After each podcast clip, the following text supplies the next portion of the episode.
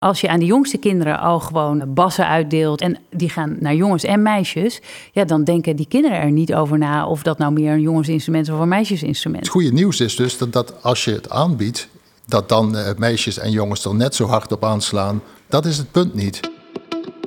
Je luistert naar Rise Up, Vrouwen in Muziek. Deze podcast is een productie van Buma Stemra.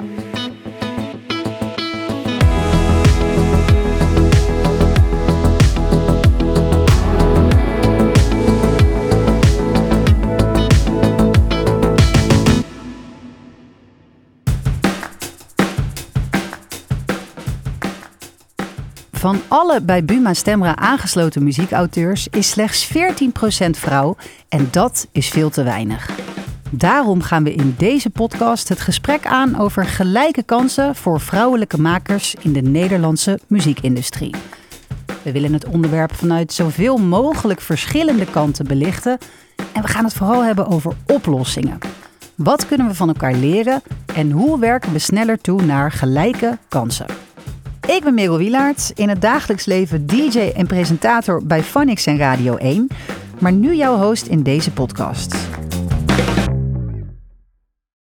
Ik ga in gesprek met diverse mensen uit het muziekvak over de vraag hoe we de kansen voor vrouwen in de muziek kunnen verbeteren.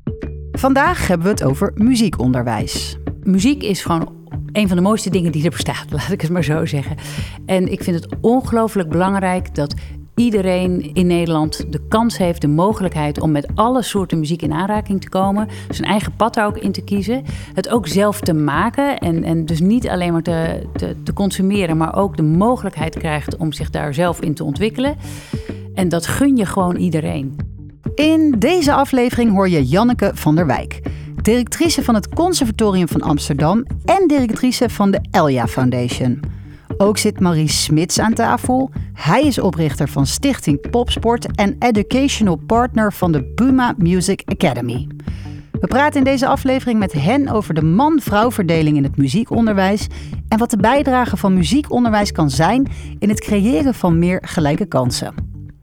Omdat, wij, omdat je eigenlijk de, de, de, de potentie van 50-50, die heb je constant in beeld. En je ziet toch best vaak dat die niet klopt. En eigenlijk met hele kleine ingrepen kun je dat corrigeren. En dat is ook wel de kick, dat je dat lukt. We beginnen deze aflevering met een schets van hoe het onderwijs er nu uitziet. Hoe staat het eigenlijk met de gendergelijkheid binnen het muziekonderwijs? Als ik bijvoorbeeld binnen het consortium kijk, dan zie je ongeveer dat het 50-50 is. Maar je ziet dat het heel erg genregebonden is en heel instrumentgebonden. Ja. En, en hoe moet ik daar dan, wat, wat voor genres, wat, wat maakt het verschil, zeg maar? Nou, je ziet bijvoorbeeld dat in de klassieke muziek is, uh, is de genderbalans beter, zeg maar, dan bijvoorbeeld in de jazzmuziek en in de popmuziek. Mm En dat heeft ook, denk ik, toch uiteindelijk met hetzelfde te maken. Ook daarin zie je landen die heel een goed systeem van muziekonderwijs hebben, zie je dat die genderbalans heel anders is. En dat is gewoon ontzettend zonde. Er is natuurlijk altijd wel enige genderkeuze en gendervoorkeur in sommige instrumenten. Je ziet als je het structureel goed aanbiedt, dat die verschillen absoluut niet zo groot hoeven te zijn. En dan zie je eigenlijk dat vrijwel ieder instrument voor, voor iedereen toegankelijk is. Ja, en, ook een stijl ook. Ja, absoluut. Ja. zeker in stijl, zeker. Weet je, dat mhm. is. En dus het gaat echt gewoon over de wijze van aanbieden. Het gaat over de wijze van toegankelijkheid. Het gaat over de wijze van ondersteuning. Ik denk dat de verschraling in het, in het onderwijs uh, er ook toe geleid heeft dat er steeds minder instrumenten gekozen zijn. Er zijn ook heel veel vaste structuren weggevallen. Hmm. Vroeger had je natuurlijk in Nederland de, de, beroemde koren, maar ook de fanfares en al dat soort dingen. Daar zag je ook dat er een veel betere aanwas was van jong talent. Ja, en je ziet als dat allemaal wegvalt, dan zie je dat, dat het heel smal wordt wat nog kiest voor. Ja. En dat is gewoon ontzettend zonde. Over het algemeen gaat het over op het conservatorium qua percentages best wel oké. Eh, heb je ook een idee hoe dat komt? Want 14% is, uh, is heel weinig, terwijl 50-50 klinkt best, best goed.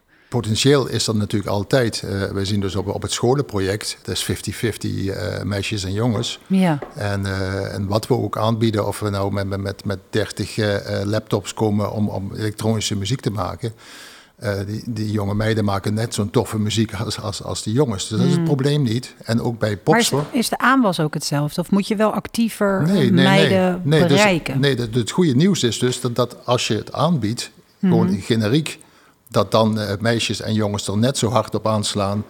dus dat is, dat is het punt niet. Maar daarna, dan krijg je natuurlijk op een gegeven moment gaan mensen keuzes maken. Maar nu is het mij nog steeds niet duidelijk waarom dan slechts 14% de keuze maakt om echt de muziekindustrie in te gaan na een muziekopleiding. We vragen het aan zangeres, songwriter en voormalig conservatoriumstudent Celine Kaido.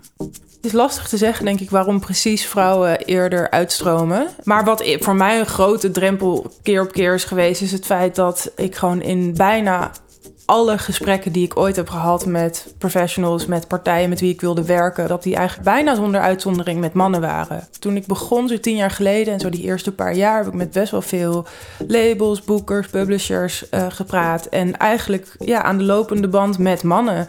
En ook met mannen uit een bepaalde leeftijd, uh, niet zeg maar leeftijdsgenoten.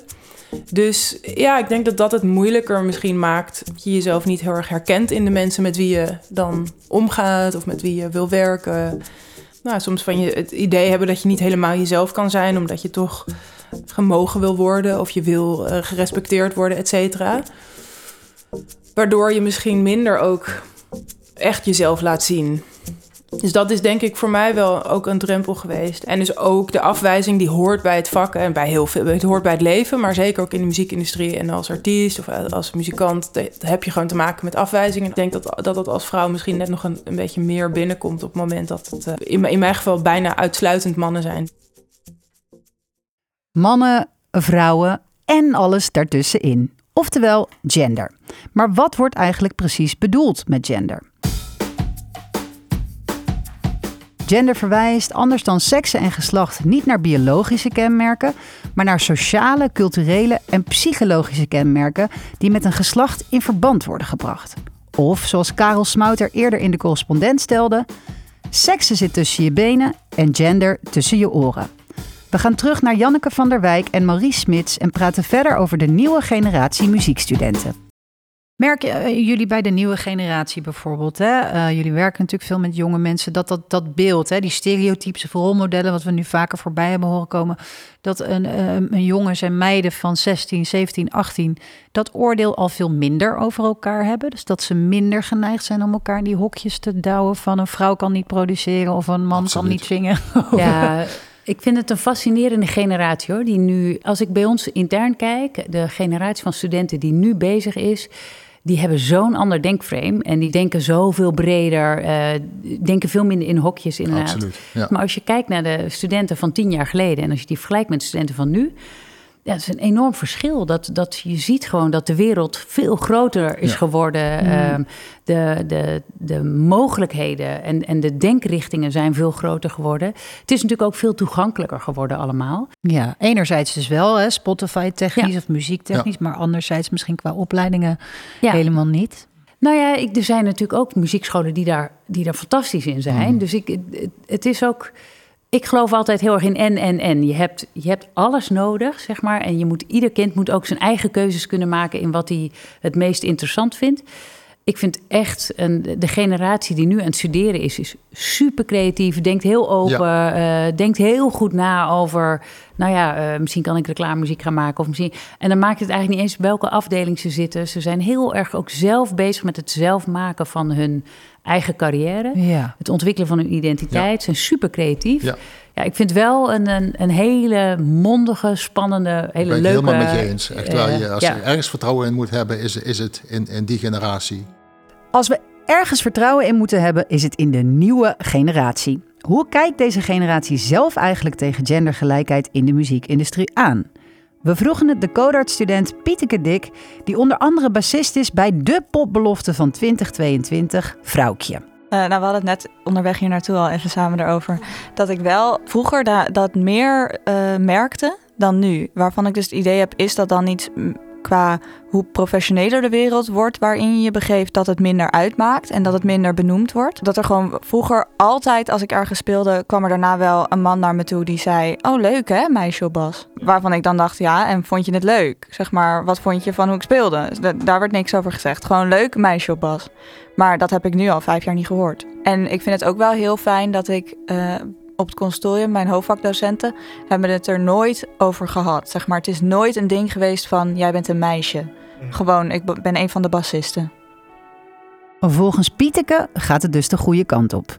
We gaan weer terug naar Maries en praten verder over hoe we deze stijgende lijn vast kunnen houden en waarom vrijheid daarbij zo belangrijk is. Nee, we zien bijvoorbeeld bij popsport, dan komen echt muzikanten. Een van de belangrijke dingen is dat we ze bij elkaar brengen. En daar komen dus uh, mensen die van metalmuziek houden, als we van hele breekbare uh, liedjes. Je brengt ze bij elkaar en in no time zijn ze samen muziek aan het maken. Dus er is, er is, wat dat betreft is er zoveel voedingsbodem om heel optimistisch te zijn. Alleen op een gegeven moment, als je, hoe ouder je wordt en je, en je gaat richting 20, dan kom je hoe langer hoe meer in die hokjes terecht. Je moet een keuze maken voor een studie. Je moet, weet je, dan moeten er heel veel dingen. Dus daarom is het ook zo belangrijk dat je in de leeftijd tussen, ja, van mij pad via, uh, vanaf kindergarten tot, uh, tot de met middelbare school, dat je daar die, die vrijheid laat zien. Dat eigenlijk alles kan en alles mag. En eigenlijk kan ook iedereen alles. En daarna beginnen we eigenlijk steeds meer in hokjes terecht te komen en dingen te zeggen, die, dit kan wel, dit moet je niet doen, dit is... Dan worden die stramine worden Ik vind dat ook wel erg veranderen hoor. Als ik kijk naar het werkveld, Um, ik bedoel, ik kijk alleen al hier om me heen, maar uh, ik kijk ook naar, de, naar festivals, naar veel podia. Ik, ik vind wel dat ook het werkveld steeds opener, heel erg aan het vernieuwen is, mhm. enorm aan het veranderen is. Dus het is ook wel, ik denk dat we ook wel met elkaar door die verandering heen gaan. Ik zie het ook bij ons bij de docenten. Kijk, heel, heel snel wordt gezegd, ja, die studenten die lopen voorop en de docenten lopen erachteraan. Maar het is echt een wisselwerking. Mm. Je hebt, die docenten staan ook midden in de praktijk. En die praktijk verandert als een, als een gek. Weet je? dat, uh, ja. En daar zie je ook gewoon dat ook daar wordt steeds opener uh, en, en steeds meer ja, vrijer daarin gedacht, zeg maar. Maar ook rol, rolmodel technisch kan ik me voorstellen dat het ook, ook hè, fijn kan zijn om een, om een leraar of lerares te hebben die op je lijkt. Waarin je denkt, hé, hey, ik kan dus ook bassiste worden omdat Absoluut. Het woord rolmodel is al een paar keer gevallen. Daarover spraken we met Aafke Romein, Celine Cairo en Lotje Horvers. Aafke en Celine zijn allebei componist en zangeres. En Lotje is tourmanager. Ze reist de hele wereld over. Hoe belangrijk zijn rolmodellen volgens hen? Ja, dan, dan kom je toch terug op inderdaad wat vanaf kind af aan al wordt laten zien. En natuurlijk ook als kinderen en als pubers zie je op televisie al die bands die representatie. Dus dat, mhm. dat blijft zichzelf dan voortzetten gewoon. Er gewoon laagdrempelig mee in aanraking komen. En dat, dat maakt gewoon heel veel uit. En daarin maakt het gewoon heel erg uit of je omgeving jou daarin stimuleert of juist banger maakt. En dat is ook een cultuuromslag. Maar ook wel dus al een jong geleerd is oud gedaan. Dus ja. alles wat je op school al meekrijgt, werkt mee. Dus het hebben van een vrouwelijk rolmodel zorgt er voor meisjes en vrouwen voor dat de muziekwereld toegankelijker wordt. Maar ja, in de popwereld heb je dan wel Anouk of Jade Lauren. De klassieke wereld staat nog steeds bekend als witte, oude mannenclub. Hoe kijken Janneke en Maurice daar tegenaan? En hoe is het om als vrouw te beginnen in die muziekwereld? Nou, als je naar de, de talenten van nu kijkt, eh, dan hebben we natuurlijk een, een, een Noah Wildschut, uh, een, een, een Lucie Horst. Dat zijn echt, uh, nou kijk naar Janine Jansen, weet je, dat zijn allemaal... Grote namen. zijn allemaal grote namen die echt ook wereldwijd als een, als een gek gaan. Je ziet nu ook die verandering bijvoorbeeld bij de dirigenten. Er komen steeds meer vrouwelijke dirigenten. kijk naar de orkesten. Je ziet een enorme veranderingsslag daarin. Dat uh, daar soms de balans wel weer alweer bijna de andere kant op gaat. Je ziet wel dat dat. Um, ik denk dat. Laat ik zo zeggen, je ziet dat, dat vrouwen hartstikke goed daarin kunnen doorbreken. Uh, het is, ik denk wel, de muziek is een harde wereld. Het is een enorme concurrentie. Um, en um, alles op één paard wedden is gewoon in de muziek hartstikke lastig. Over het algemeen is het toch gewoon een samengesteld beroep waarin je en speelt en lesgeeft. Uh, tunes maakt, uh, dat soort dingen. Dus er zitten een heleboel dingen bij elkaar. Die concurrentie is heel hard. En ik ben wel benieuwd wat er de komende jaren met het werkveld gaat gebeuren. Aan de andere kant, tijdens corona is er ook uh, meer dan ooit muziek geluisterd. En dus je ziet gewoon dat hele, dat hele werkveld is enorm aan het veranderen. En ik denk als je. Daar moet je als, als uh, afstuderend muzikus of muzikant nu gewoon heel goed over nadenken. Van waar vind ik mijn weg hierin? Omdat een aantal traditionele dingen aan het veranderen zijn. Eh, er zijn een aantal nieuwe wegen. En het is wel, het, het is wel pittig. Dat is, dat, Niet iedereen wordt Beyoncé. Nee. Niet iedereen wordt Beyoncé. Nee. We hebben het gehad over hoe de muziekcultuur er nu uitziet. Maar hebben jullie ook een oplossing voor hoe we het muziekonderwijs inclusiever kunnen maken? Ja, dat is wel een ding. Dat, dat, uh, uh, want kijk, als je met, iedereen, met mensen spreekt, iedereen zal onderschrijven van er is iets aan de Gaande, hand. Hè? ja. En, en, maar je ziet dat dus bij heel veel zeg maar, maatschappelijke vraagstukken, waar eigenlijk iedereen het wel over eens is van nou, dan moeten we toch wel, dat er eigenlijk niemand het voortouw neemt. En heb, dat, je, heb je een voorkeur voor wie dat zou moeten zijn in dit, in dit geval? Ik denk, ik denk eigenlijk de, in eerste instantie, eh, eh, want het gaat natuurlijk eigenlijk altijd over geld. Dat is toch wel het ding. Dus, eh, en eigenlijk het doorcijpeleffect van, van als er landelijk of op landelijk niveau beleid wordt gemaakt, dan wordt er ook op provinciaal niveau beleid gemaakt. En dan gaan de gemeentes ook. Op het moment dat daar eentje tussenuit springt, we hebben het een aantal jaren geleden gezien dat een aantal provincies zelf zeiden van nou weet je, wij stoppen even met, met cultuur, dondert de hele rotzooi in elkaar. Dus dat zijn echt wel wel. Dus Dus beleidsmakers is eigenlijk het eerste waar je naar zou willen wijzen. Van, Nou, ik denk dat het willen heel we van belangrijk die is. 14, 14 procent, 50 procent maken, dan begint daar al een ik groot denk wel dat, dat. Want de intenties en de projecten en zoiets, die zijn er allemaal wel. Maar je gaat er heel snel over geld praten. Hmm. En, en, eh, dus er is. En dat zie je vaak met, met, met dingen waar iedereen het over eens is, dat, dan, dat niemand die agenda naar zich toe trekt. Ja. Van, van, Oké, dan gaan we daar ook nu echt iets aan doen. Ja, het gevaar is En, eh, eigenlijk dit, hè? dat je heel erg met elkaar daarover Ja. blijft praten, maar dan blijft het een gesprek. Terwijl uiteindelijk moet er... Ja, ik denk wel dat het een gezamenlijke verantwoordelijkheid is en dat iedereen binnen zijn eigen organisatie of binnen zijn eigen eh, setting waar hij zich in begeeft, zeg maar, het maximale kan doen wat je daarin kunt doen. Ik denk dat dat ongelooflijk belangrijk is. Je moet eh, constant eh, alert zijn op, op, op wat er leeft. Hè. Wij hebben bijvoorbeeld bij het programma Popsport, daar moeten jonge mensen zich voor inschrijven. Daar hebben wij afgelopen jaar gewoon heel simpel bij de inschrijving hebben we ook gezegd, hoe wil je dat jij aangesproken wordt? Dus dat gendervraagstuk is bij, bij, bij middelbare scholieren echt een ding. Hè. Dat het er leeft, ja. Dat En het dat verbaas je dus erop van, van dat dus dan eh dus het keuzemenu meer is dan MV. Dus dat wordt gewoon gebruikt. En vervolgens krijg je gewoon een mailtje erachteraan. Hoe vet is tof, weet je wel. Jullie ja, snappen. Ja, ja, de taal en de, de, de behoeften van nu. Ja, en dat is dus dat is heel belangrijk. Dus dat je, weet je, je bent er niet met, met een regenboogvlag op je, op je website zetten. Weet je. Dat, Ja. is, dat is. Je moet Maar dat soort zijn. dingen. Dus je moet constant voeling houden van, van waar ligt de potentie, maar ook wat, wat is, waar wordt naar gevraagd? Hoe, hoe kun je inspelen? Eh, eh, want dan hou je ook die, die brede basis zo, zo breed mogelijk. Op het moment dat je de allerlei, en dat zijn die oude schablonen die ik net bedoelde, als je dat als vertrekpunt neemt, dan heb je gelijk al een probleem. Dat is, eh, eh, dus je moet er altijd heel alert op zijn, ook als organisatie of als opleiding. Ja. Hoe je zegt, hebben wij nog, zitten we nog steeds in tune met, met wat, wat er leeft, wat, wat er belangrijk is. Het onderwerp educatie kwam ook aan bod in het tafelgesprek over dit thema. Met Aafke Romein, Lotje Horvers en Celine Cairo. Volgens Aafke speelt educatie ook een hele belangrijke rol in de zoektocht naar de oplossing. Ja, ik geloof echt in onderwijs en ik ben nog iets. eh, ja, ik, ik, ik voel me altijd een beetje een enorme salonsocialist als ik het zeg, maar ik geloof gewoon echt in, in muziek in de klas. Dat is er nu bijna niet meer. Maar ook daarvoor al kinderdagverblijven. Laat meisjes van het begin af aan met alle instrumenten in aanraking komen. Laat zien dat ze ook kunnen drummen, dat ze ook een gitaar kunnen vasthouden. Eh, en dat ze inderdaad ook kunnen solderen. Weet je, dat zijn ook van die, van die, van die technische dingen. Zou een oplossing zijn voor dit ongelijkheidsprobleem? Positieve discriminatie. En dan doel ik eigenlijk op dat je vrouwelijke studenten, vrouwelijke muziekmakers bijvoorbeeld eh, financieel beter zou compenseren, ruimtes misschien makkelijker beschikbaar zou maken.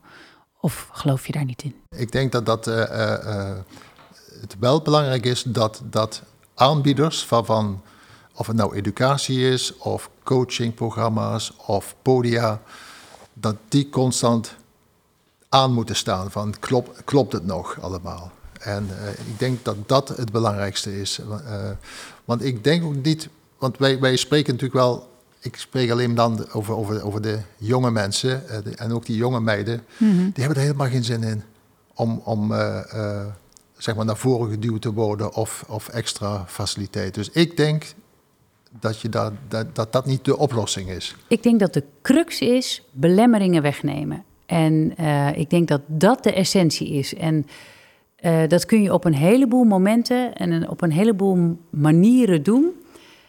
Ehm, maar dat die belemmeringen er af en toe zijn, die moeten wel echt weg.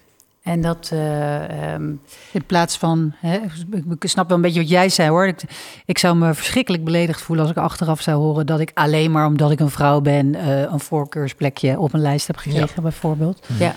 Dus Ja, en daarom zijn die belemmeringen zijn, zijn cruciaal. En, en je ziet gewoon, eh, je ziet dat in de muziek, je ziet het ook in de sport. Weet je, ehm, eh, op sommige, er zijn van die, van die momenten waarop, in dit geval dan meisjes, maar dit geldt natuurlijk bij, bij, bij, op allerlei manieren, eh, soms eerder afhaken. eh, doordat ze gewoon, ja, er andere belemmeringen zijn. En daarvan denk ik wel, die belemmeringen, daar moeten we met elkaar echt heel goed naar kijken. Heb je, heb je een concreet belemmering voorbeeld? Belemmering is natuurlijk een algemene term. Ehm, nou ja, als je, het- ik zit even te denken aan die muziekinstrumenten. Eh, en ik vond die zelfs voor jou een mooi voorbeeld. Ik heb dat bijvoorbeeld ook in Brazilië gezien. Ehm, als je aan de jongste kinderen al gewoon eh, bassen uitdeelt en weet ik niet wat. En die gaan naar jongens en meisjes. Ja, dan denken die kinderen er niet over na of dat nou meer een jongensinstrument is of een meisjesinstrument. Dat zijn al van die dingen waarvan ik denk, daar moeten we, het zit echt bij die, bij die oorsprong, daar moeten we echt Ja. met elkaar aan de slag gaan. Ja. We vroegen aan Dr. Anders Paukenberkers van de Erasmus Universiteit Rotterdam, die zich bezighoudt met genderongelijkheid in de kunsten, wat volgens hem een goede oplossing zou kunnen zijn. Om je organisatie diverser te maken, moet je accepteren dat het een proces is van de lange adem. Wat integraal onderdeel moet worden van de organisatie, die uiteindelijk moet leiden tot structuurverandering. Waarbij je dat doet door middel van kleine, haalbare, implementeerbare stapjes, die ook door mensen worden gezien als: ja, dit kunnen we. Begin met het, met het gesprek met elkaar aan te gaan. En, en betrek daarbij ook die invloedrijke mensen in je organisatie in dit geheel. En ook definieer duidelijke criteria van wat, wat voor prestaties wil je, wat voor resultaat wil je behalen.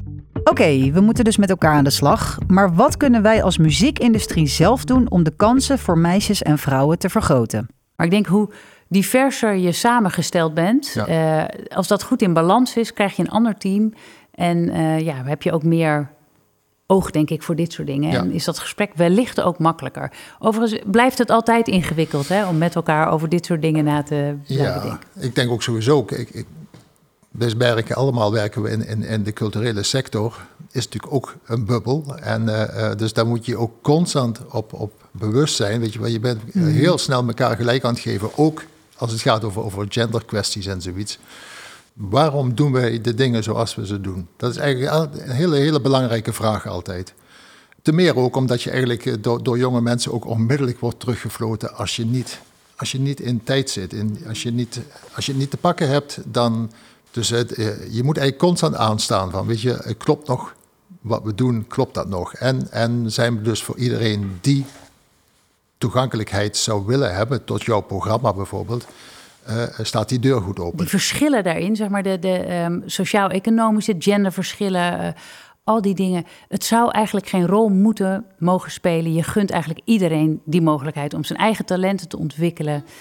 Het is zo ongelooflijk leuk om dingen die je nog niet kent te leren kennen. Die nieuwsgierigheid, die wil je eigenlijk bij iedereen gewoon aanwakkeren. We zijn het er allemaal over eens dat gelijke carrièrekansen cruciaal zijn voor een gezonde en succesvolle muziekindustrie. We praten graag via onze Instagram en Facebook verder over het onderwerp en de mogelijke oplossingen. Dit was Rise Up Vrouwen in Muziek. Deze podcast is een productie van Buma Stemra.